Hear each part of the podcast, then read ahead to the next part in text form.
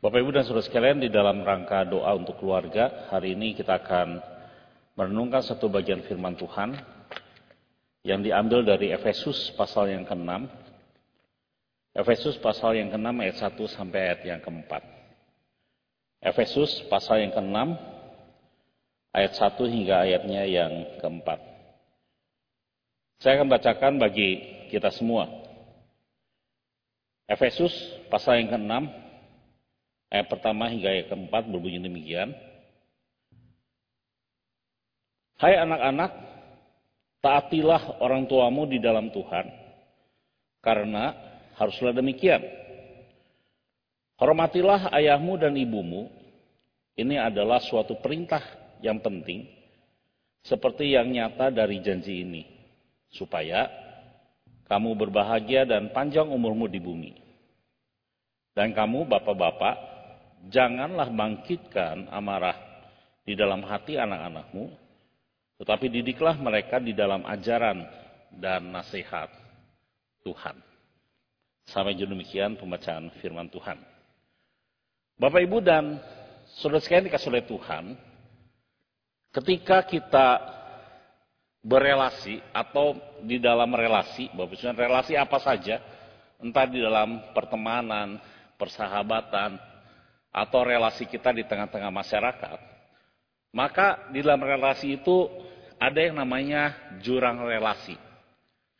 Jurang relasi ini adalah hal yang membuat pihak satu dengan pihak yang lainnya tidak bertemu, tidak bisa bersatu.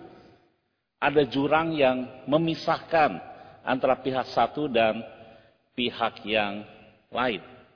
Mungkin jurang itu disebabkan karena ada cara pandang yang berbeda, ada pemikiran yang berbeda, atau ada gap generasi yang berbeda di antara satu dengan yang lain.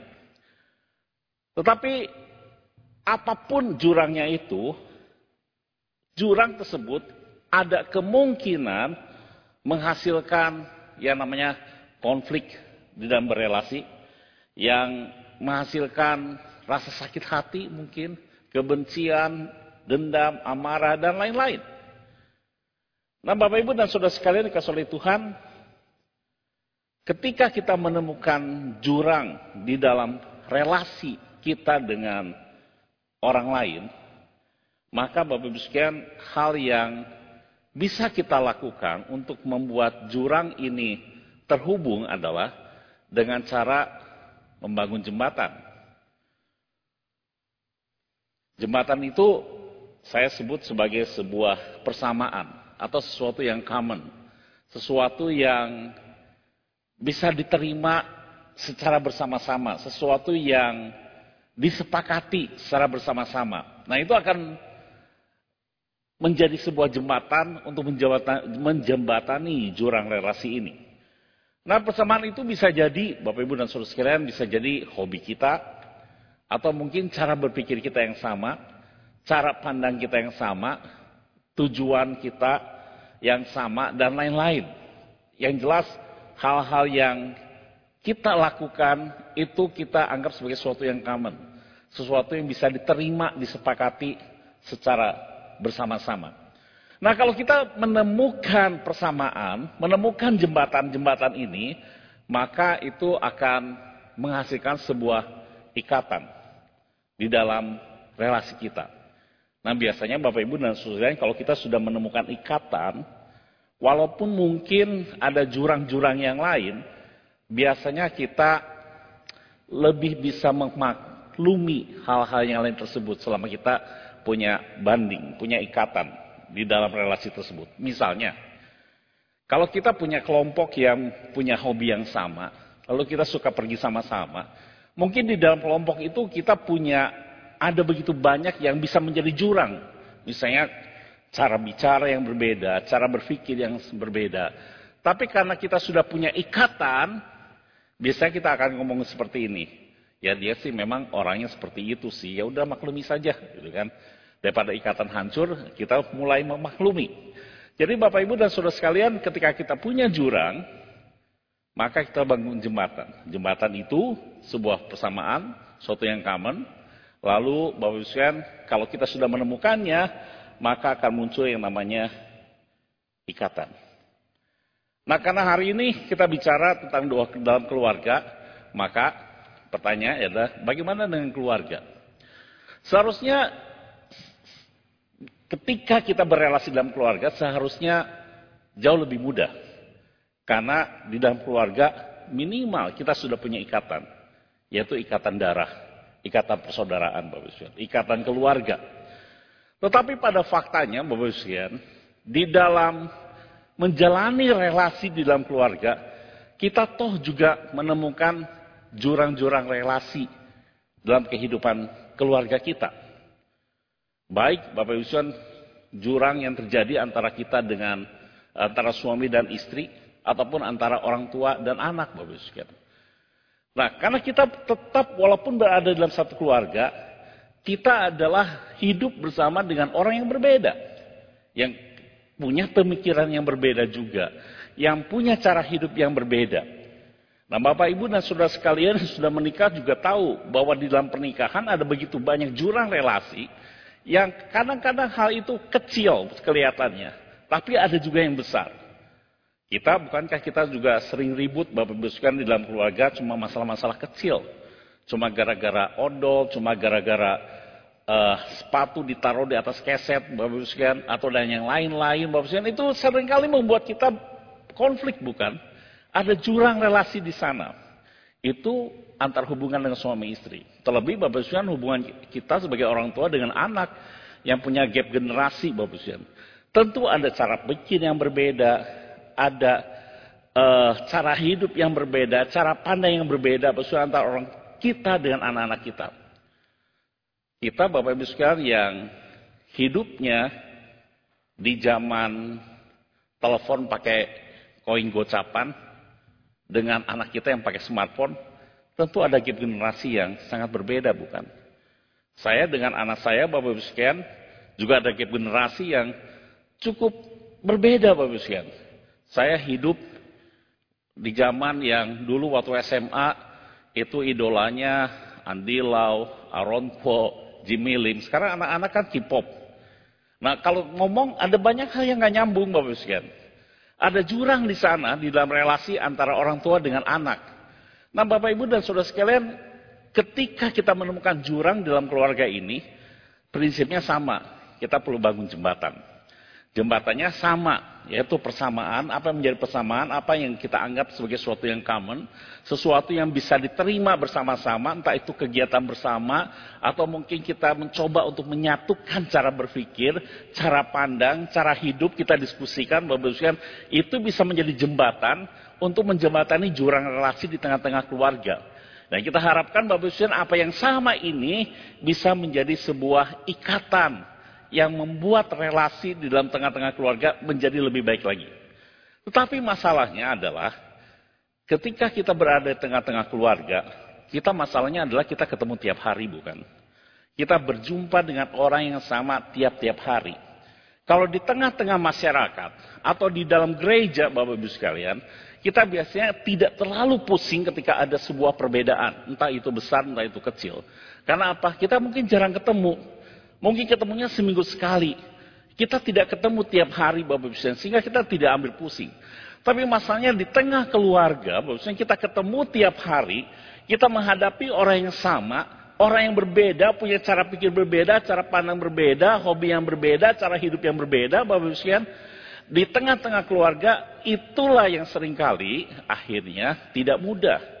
Dan itu sering kali juga memunculkan rasa frustasi, rasa lelah, dan lain-lain di dalam keluarga. Maka tidak heran, Bapak Ibu di tengah-tengah keluarga ada orang-orang yang mengatakan demikian. Saya sudah capek, saya berhadapan dengan orang ini sudah capek.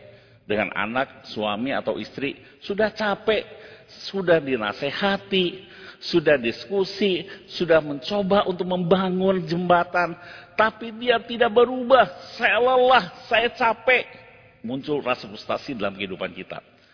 Karena kita berjumpa dengan orang yang sama tiap-tiap hari. Nah, Bapak Ibu dan Saudara sekalian, ketika kita merasa lelah, Karena kita berusaha untuk membangun jembatan. Tapi ternyata jembatan itu tidak tidak pernah menjadi sebuah ikatan. Bapak Ibu di sinilah kita menemukan sesuatu yang indah yang dinasihatkan oleh firman Tuhan yang tadi kita baca bersama-sama. Nah mari kita melihat Bapak Ibu sekalian apa yang dikatakan oleh firman Tuhan di dalam Efesus pasal 6 ayat 1 sampai 4 yang tadi kita baca bersama-sama. Bapak kita menemukan di sini di ayatnya yang pertama, firman Tuhan berkata kepada anak-anak demikian, Hai anak-anak, taatilah orang tuamu. Lalu, Bapak Sian, di ayat yang kedua, dikatakan hal yang sama, hormatilah ayahmu dan ibumu. Lalu di ayatnya yang keempat, ada sebuah firman untuk bapak-bapak, sebenarnya untuk orang tua, walaupun ditulis bapak-bapak, Bapak-bapak janganlah atau hai orang tua janganlah bangkitkan amarahmu di dalam hati anak-anakmu. Ketika kita membaca bagian ini, Bapak Ibu dan Saudara sekalian, apa yang ada dalam pikiran kita? Biasanya Ibu ketika kita membaca bagian ini, ketika kita membaca bagian ini, maka yang muncul di dalam pikiran kita adalah kita ingin menuntut lawan kita untuk melakukan hal yang sama, untuk melakukan hal ini. Misalnya, kita sebagai orang tua, sekalian, kita bisa memakai firman Tuhan ini kepada anak-anak kita. Ingat anak-anak, firman Tuhan mengatakan, taatilah orang tuamu. Hormati ayah dan ibumu. Kita tuntut anak-anak kita untuk mentaati dan menghormati kita. Lalu anak-anak juga bisa menuntut orang tua. Bapak, ibu, Firman Tuhan mengatakan, jangan bangkitkan amarah di dalam hati anak-anakmu. Nasihati anak-anakmu dengan baik.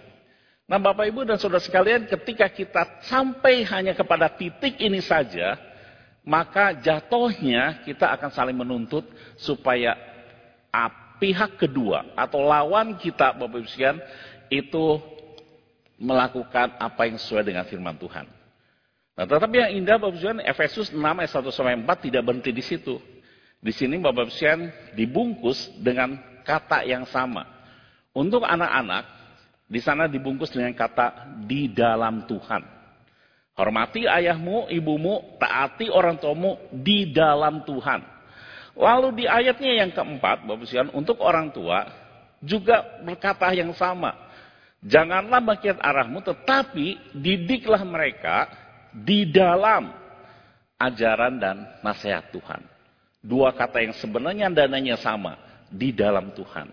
Artinya Bapak Ibu sekalian, di dalam Tuhan itu seperti di dalam sebuah lingkaran. Kita anggap dalam sebuah lingkaran. Di dalam lingkaran itu namanya Bapak Ibu Tuhan, di dalam Tuhan seperti dalam sebuah lingkaran dan kita hidup di dalamnya. Jadi pada waktu anak mentaati orang tua, menghormati ayah dan ibu, harus berada dalam lingkaran itu. Tidak boleh ada di luar. Kita menghormati ayah dan ibu, mentaati ayah dan ibu di dalam Tuhan. Bukan di luar Tuhan. Lalu ketika si bapak juga menasehati anak-anaknya, mengajar anak-anaknya, juga berada di dalam lingkaran Tuhan. Di dalam Tuhan.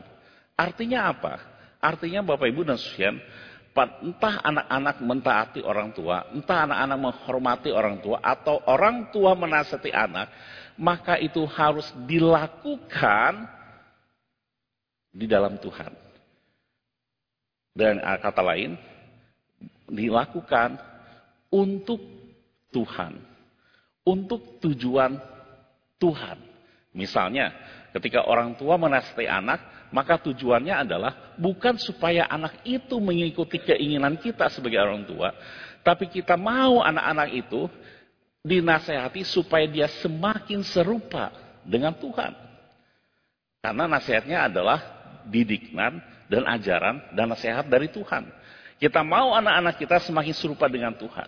Sedangkan anak-anak ketika mentaati menghormati orang tua, maka dia menghormatinya bukan demi kepentingan diri sendiri, tapi dia sadar bahwa itu ada perintah Tuhan demi kepentingan Tuhan. Demi mentaati firman Tuhan. Maka dia mentaati dan menghormati orang tua.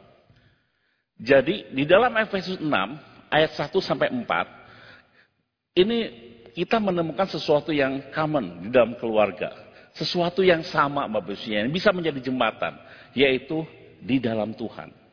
Dan Bapak Ibu sekalian, kalau kita melakukan segala sesuatu di tengah-tengah keluarga di dalam Tuhan, Entah pada waktu kita berkomunikasi, entah pada waktu kita menyatakan sesuatu, pada waktu kita bertindak di tengah-tengah keluarga dan kita lakukan di dalam Tuhan, semua pihak, baik suami, baik istri, baik orang tua, baik anak melakukannya di dalam Tuhan, maka kita menemukan sebuah ikatan di tengah-tengah keluarga.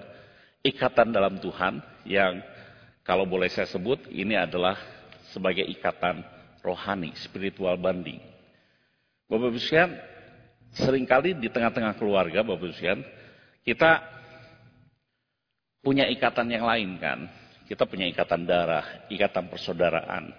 Tapi Bapak Ibu apakah kita menyadari bahwa sebenarnya ketika kita membangun keluarga di dalam Tuhan, kita punya ikatan rohani yang sama. Kita melakukan segala sesuatunya untuk Tuhan kita melakukan segala sesuatu seperti untuk Tuhan. Itu yang dikatakan oleh firman Tuhan.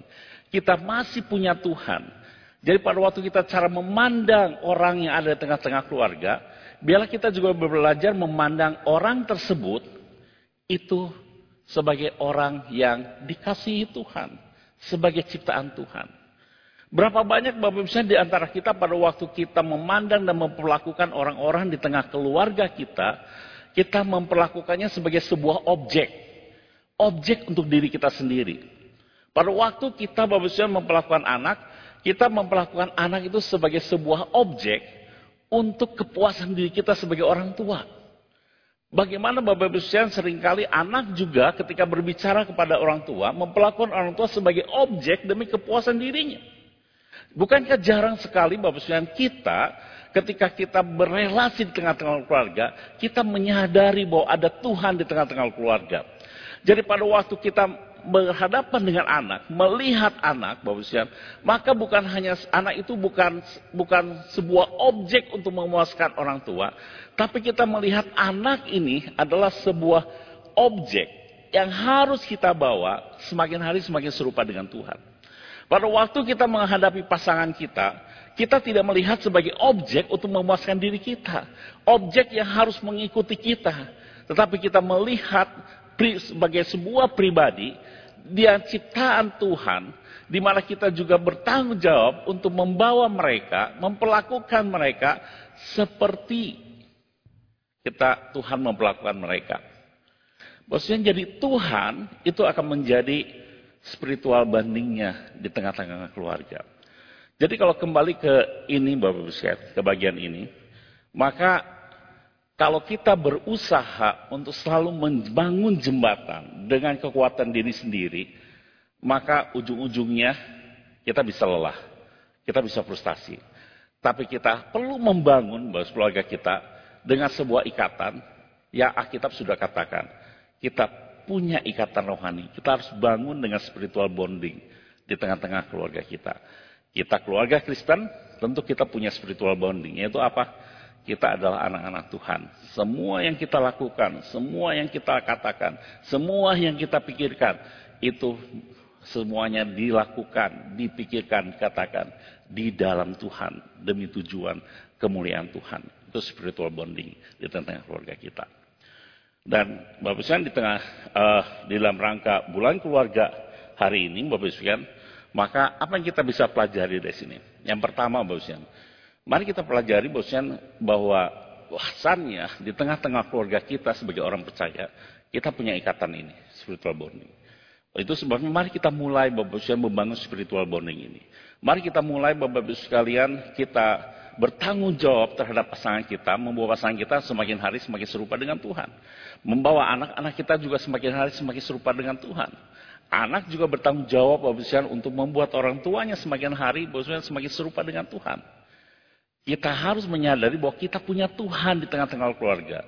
Tengah keluarga itu bukan masalah saya, tapi ada Tuhan di sana. Maka kita melakukan segala sesuatunya di dalam Tuhan. Tapi Bapak Ibu bagaimana kalau seandainya di tengah-tengah keluarga kita ada yang belum percaya kepada Tuhan? Kita menikah dengan orang yang belum percaya kepada Tuhan, atau anak-anak kita sudah menjadi tidak percaya kepada Tuhan, tidak ada spiritual bonding di sana. Sebenarnya Bapak Ibu pada kita, kita bicara ini seharusnya mundur ke belakang. Seharusnya pada waktu kita pacaran, pada waktu kita memilih pasangan, kita seharusnya sudah memikirkan ini. Saya harusnya punya pasangan yang seiman, supaya apa? Supaya ada spiritual bonding di tengah-tengah keluarga. Tapi kalau sudah terlanjur bagaimana? Mau tak mau Bapak Ibu sekalian, kita perlu berdoa kepada Tuhan, perlu mengabarkan Injil kepada pasangan kita, dan kita perlu bersabar dengan hal itu, doakan terus supaya spiritual bonding ini muncul. Kalau ini Bapak Ibu sekalian kita doakan, kita percayai hal itu, maka Tuhan akan campur tangan, akan bekerja Bapak Ibu sekalian di tengah keluarga, supaya spiritual bonding ini tetap ada. Itu sebabnya Bapak Ibu sekalian di tengah doa keluarga ini, mari kita mulai berdoa untuk keluarga kita masing-masing Supaya apa? Supaya ini. Supaya muncul spiritual bonding di tengah-tengah keluarga kita. Amin. Mari kita tundukkan kepala. Mari kita ambil waktu sejenak berdoa secara pribadi untuk keluarga kita. Mari kita berdoa supaya di keluarga kita ada spiritual bonding. Jika di tengah-tengah keluarga kita ada yang belum percaya, mari kita doakan supaya Tuhan berkarya, supaya ujungnya keluarga kita tetap punya ikatan rohani di dalam Tuhan. Ambil waktu sejenak berdoa secara pribadi.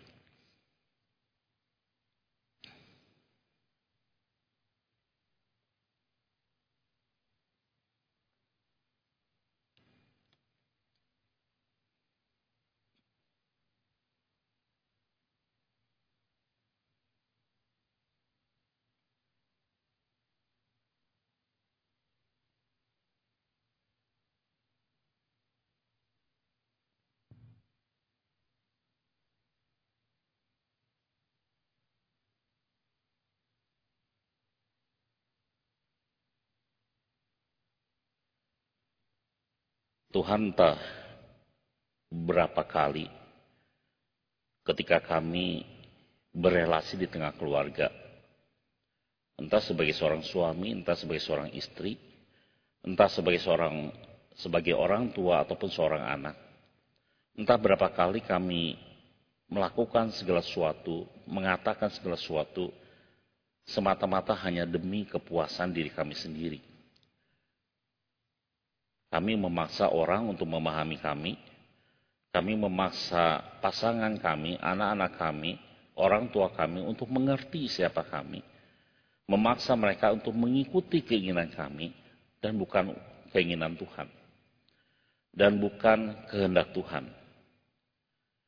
Tuhan sering kali kami tidak menyadari bahwa walaupun kami tahu kami keluarga Kristen, kami tahu bahwa dasar keluarga Kristen adalah Tuhan sendiri. Dan pusat dari keluarga Kristen adalah Tuhan Yesus sendiri. Tapi sering kali kami melupakan hal itu. Kami lebih egois di tengah-tengah keluarga kami. Kami tidak mempedulikan kehadiran Tuhan di tengah-tengah kami. Kami lebih mementingkan keinginan, kepuasan diri kami. Sehingga tidak jarang tengah-tengah keluarga kami justru terjadi konflik. Entah antara suami istri, entah orang tua dan anak, ada konflik yang cukup besar karena masing-masing mempertahankan ego kami masing-masing dan mempertahankan keinginan dan pendapat kami masing-masing tanpa melibatkan Tuhan. Itu sebabnya Tuhan ampuni kami jikalau selama ini kami memiliki pandangan yang seperti itu terus-menerus kami melupakan Tuhan. Dan kami rindu Tuhan di tengah-tengah keluarga kami biarlah ada spiritual bonding, ada ikatan rohani kami semua sebagai pribadi-pribadi dengan keluarga kami, kami menyadari bahwa ada Tuhan. Kami harus melakukan segala sesuatu untuk Tuhan. Kami harus berpikir seperti Tuhan. Ketika kami berkata-kata menasehati, biarlah karena kata-kata yang keluar dari mulut kami, itu juga adalah kata-kata yang berasal dari Tuhan, yang sesuai dengan firman Tuhan. Tuhan kami rindu, keluarga kami yang adalah keluarga Kristen, boleh menjadi keluarga yang memiliki spiritual bonding seperti ini. Tapi kami juga berdoa Tuhan untuk setiap keluarga yang mungkin saat ini bergumul. Karena kami hidup bersama-sama dengan orang yang belum percaya kepada Tuhan. Entah karena dari awalnya kami memang memilih orang yang belum percaya kepada Tuhan.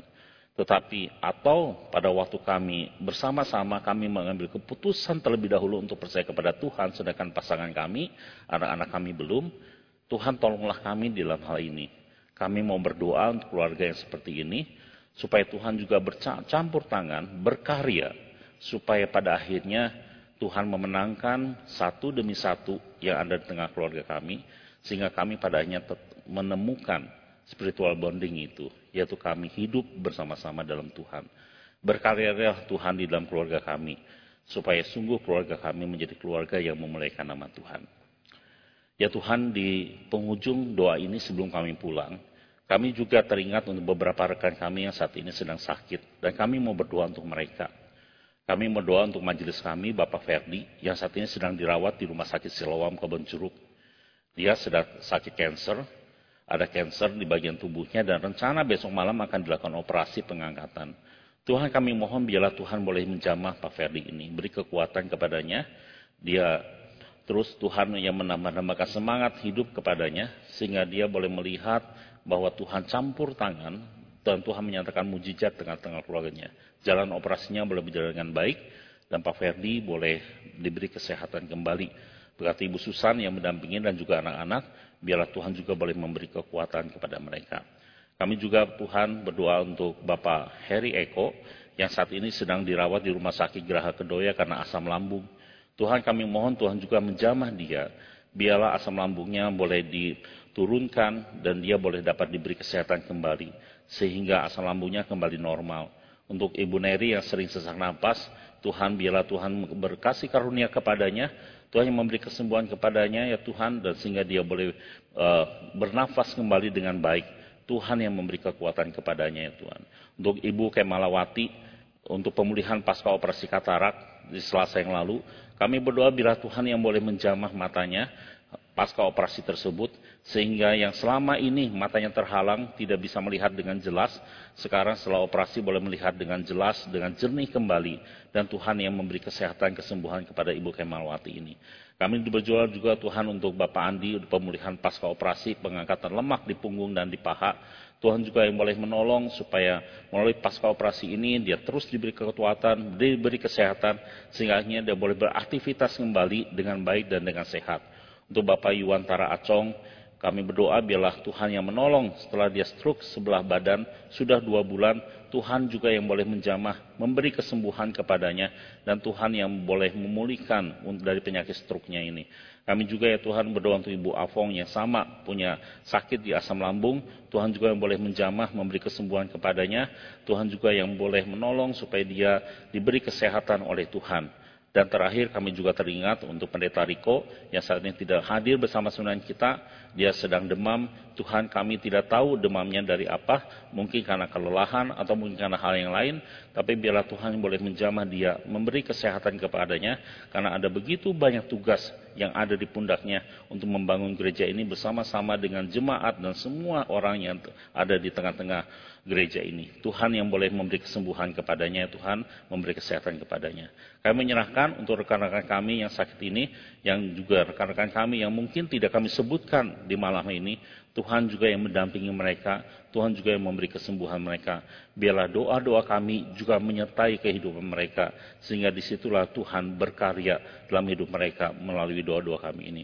Terima kasih Tuhan, sebentar kami akan berpisah setelah yang lain. Tuhan yang memberkati untuk perjalanan kami pulang. Istirahat kami malam hari ini Tuhan juga boleh berkati, sehingga besok kami boleh bangun dalam keadaan sehat, dan kami melanjutkan seluruh aktivitas dan pekerjaan kami di dalam Tuhan. Sehingga kami dan keluarga kami boleh menjadi keluarga yang memuliakan nama Tuhan seumur hidup kami. Terima kasih Tuhan. Dalam nama Tuhan Yesus kami berdoa dan mengucap syukur. Amin. Suan doa selesai. Selamat malam.